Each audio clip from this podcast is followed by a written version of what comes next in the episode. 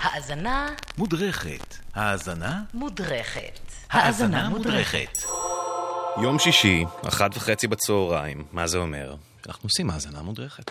בפינה שלנו הזאת, אה, מה שאנחנו עושים, אנחנו לוקחים שיר אה, גדול ואהוב ומוכר, ובוחנים וחוקרים אותו לעומק, טיפה לומדים על אה, מה הוא, למה הוא, איך הוא נוצר ומה הוא עשה אחר כך. אנחנו היום מדברים על...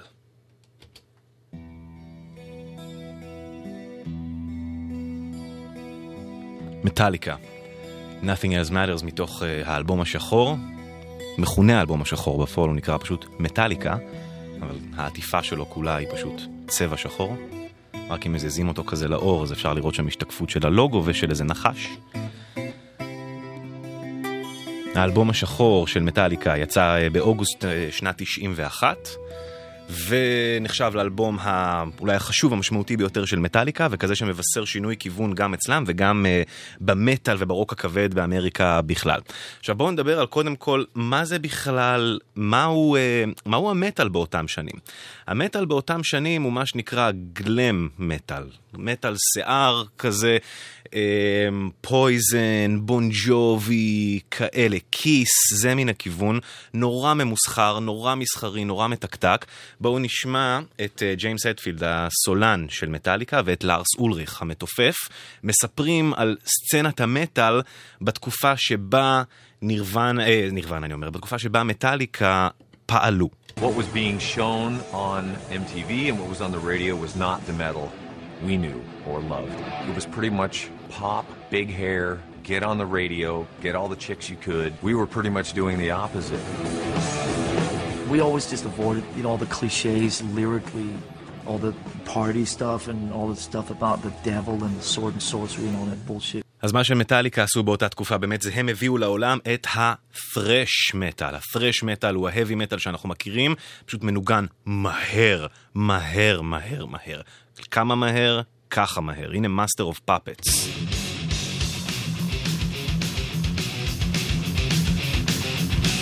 עכשיו זה, הטכניקה המטורפת, המהירות הזאת, זה היה מה שמטאליקה הביאו, זה היה הסאונד של מטאליקה. אחרי ארבעה, שלושה אלבומים בז'אנר הזה, אסון קרה ללהקה. הבסיסט האהוב והגדול שלהם, קליף ברטון, נהרג בתאונת אוטובוס בזמן uh, טור, סיבוב הופעות של הלהקה בשוודיה, האוטובוס התהפך והוא נהרג, כל חברי הלהקה האחרים uh, שרדו. צירפו את ג'ייסון יוסטד uh, על הבאס כדי להחליף אותו, הוציאו את Injustice for All בשנת 88, ואז הם אמרו, אוקיי, אנחנו צריכים לעשות איזשהו שינוי כיוון, צריך להיות משהו טיפה שונה, משהו טיפה מיוחד. כמה אפשר כבר לנגן בכזאת מהירות? בואו תשמעו את העורך של הרולינג סטון, הרולינג סטון, המגזין המוזיקה הגדול והמפורסם ביותר בעולם, מספר על שיחה שהייתה לו עם ג'יימס הטפילד הסולן, על הקטע הזה בדיוק של המהירות והטכניקה.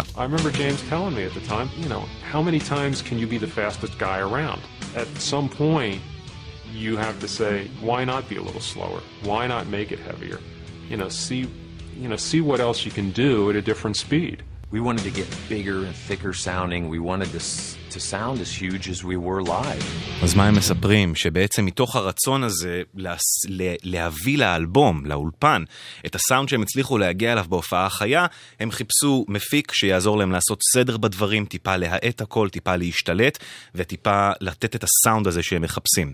והם נחתו מכולם על בוב רוק. בוב רוק היה מפיק רוק בפני עצמו, אבל יותר על הצד הפופי. הוא למשל עבד עם מוטלי קרו, שהם היו כזה האויבים הנוראים של מטאליקה באותה תקופה, בדיוק המטאל המגעיל הזה שהם מדברים עליו בהתחלה, שהם לא אהבו.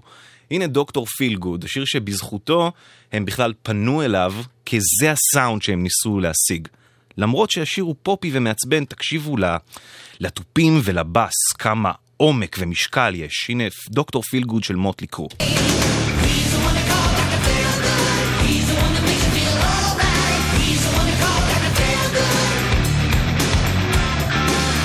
אז באמת מהמחשבה הזאת לנסות לייצר איזה משהו כבד יותר, לא רק מהיר, כבד יותר, הם צירפו את בוב רוק שהפך להיות ממש חבר נוסף בהרכב.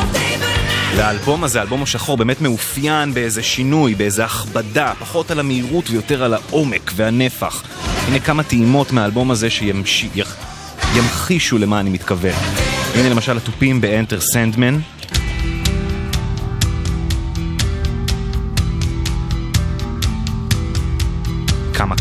כובד, כמה הד, כמה דרמה. או למשל הקטע הזה ב-Sad But True, גם מתוך האלבום ההוא.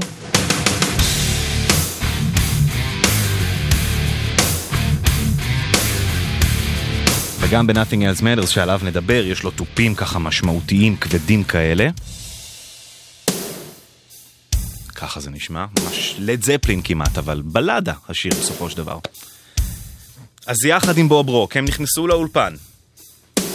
הם לא הסתדרו בהתחלה, כי הם לגלגו וצחקו עליו, הם חשבו שהוא איש פופ. מה הוא מגיע בכלל מתערב לנו ומסביר לנו איך לעשות את זה? אבל בואו תשמעו קטע מתוך האולפן, שעם כל הבאסה והתסכול הם פשוט יושבים ומנסים אה, להושיב את הסולו, הנה גרסה שלא שרדה בסופו של דבר למיקס, אבל בואו תשמעו את זה, זה יפה ומקסים. Okay, let's rock. It's fucking 2 o'clock in the morning. There's nobody in LA right now is having any fun. They're all in bed. We're here, so let's fucking rock.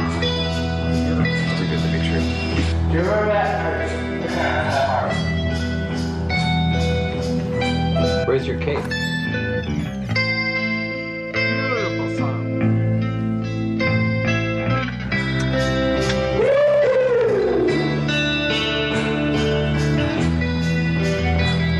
בכלל, סאונד הגיטרות באלבום הזה, ובשיר הזה ספציפית היה עניין ככה מאוד משמעותי. סתם שתראו כמה סאונדים שונים של גיטרות יש רק בתוך Nothing Else Matters. אנחנו נעבור על קטעים נבחרים ממנו. הנה האינטרו המוכר והאהוב. שאגב, נכתב השיר הזה, תוך כדי שהוא ככה עם הטלפון על הכתף ויד אחת תפוסה, ורק היד ימין נוגעת בגיטרה, וזה באמת, כל הארבעה צלילים האלה הם מיתרים פתוחים, מה שנקרא, צריך רק יד אחת בשביל לנגן אותם. אבל הנה בואו נשמע עוד קטעי גיטרה מתוך השיר הזה ממש, שתראו כמה מגוון יש בסאונדים.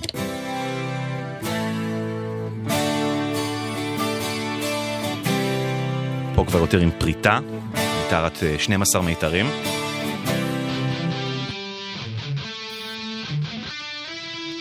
הנה עוד סאונד אחד, הנה עוד אחד אפילו.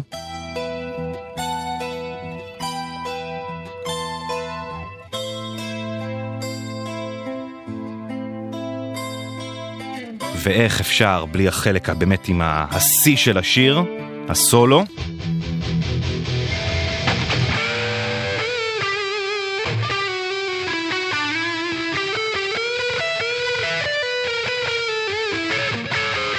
אגב, זה אחד השירים היחידים של מטאליקה, שבגרסת האלבום, קיר קמט, שהוא הליד גיטר של מטאליקה, לא מנגן אפילו תו אחד. כל הגיטרות כאן מנוגנות על ידי ג'יימס אטפילד. ואם זה לא מספיק, אז מתחת לכל השכבות האלה של הגיטרות השונות, יש גם שכבה של סימפוניה, שנשמעת ככה.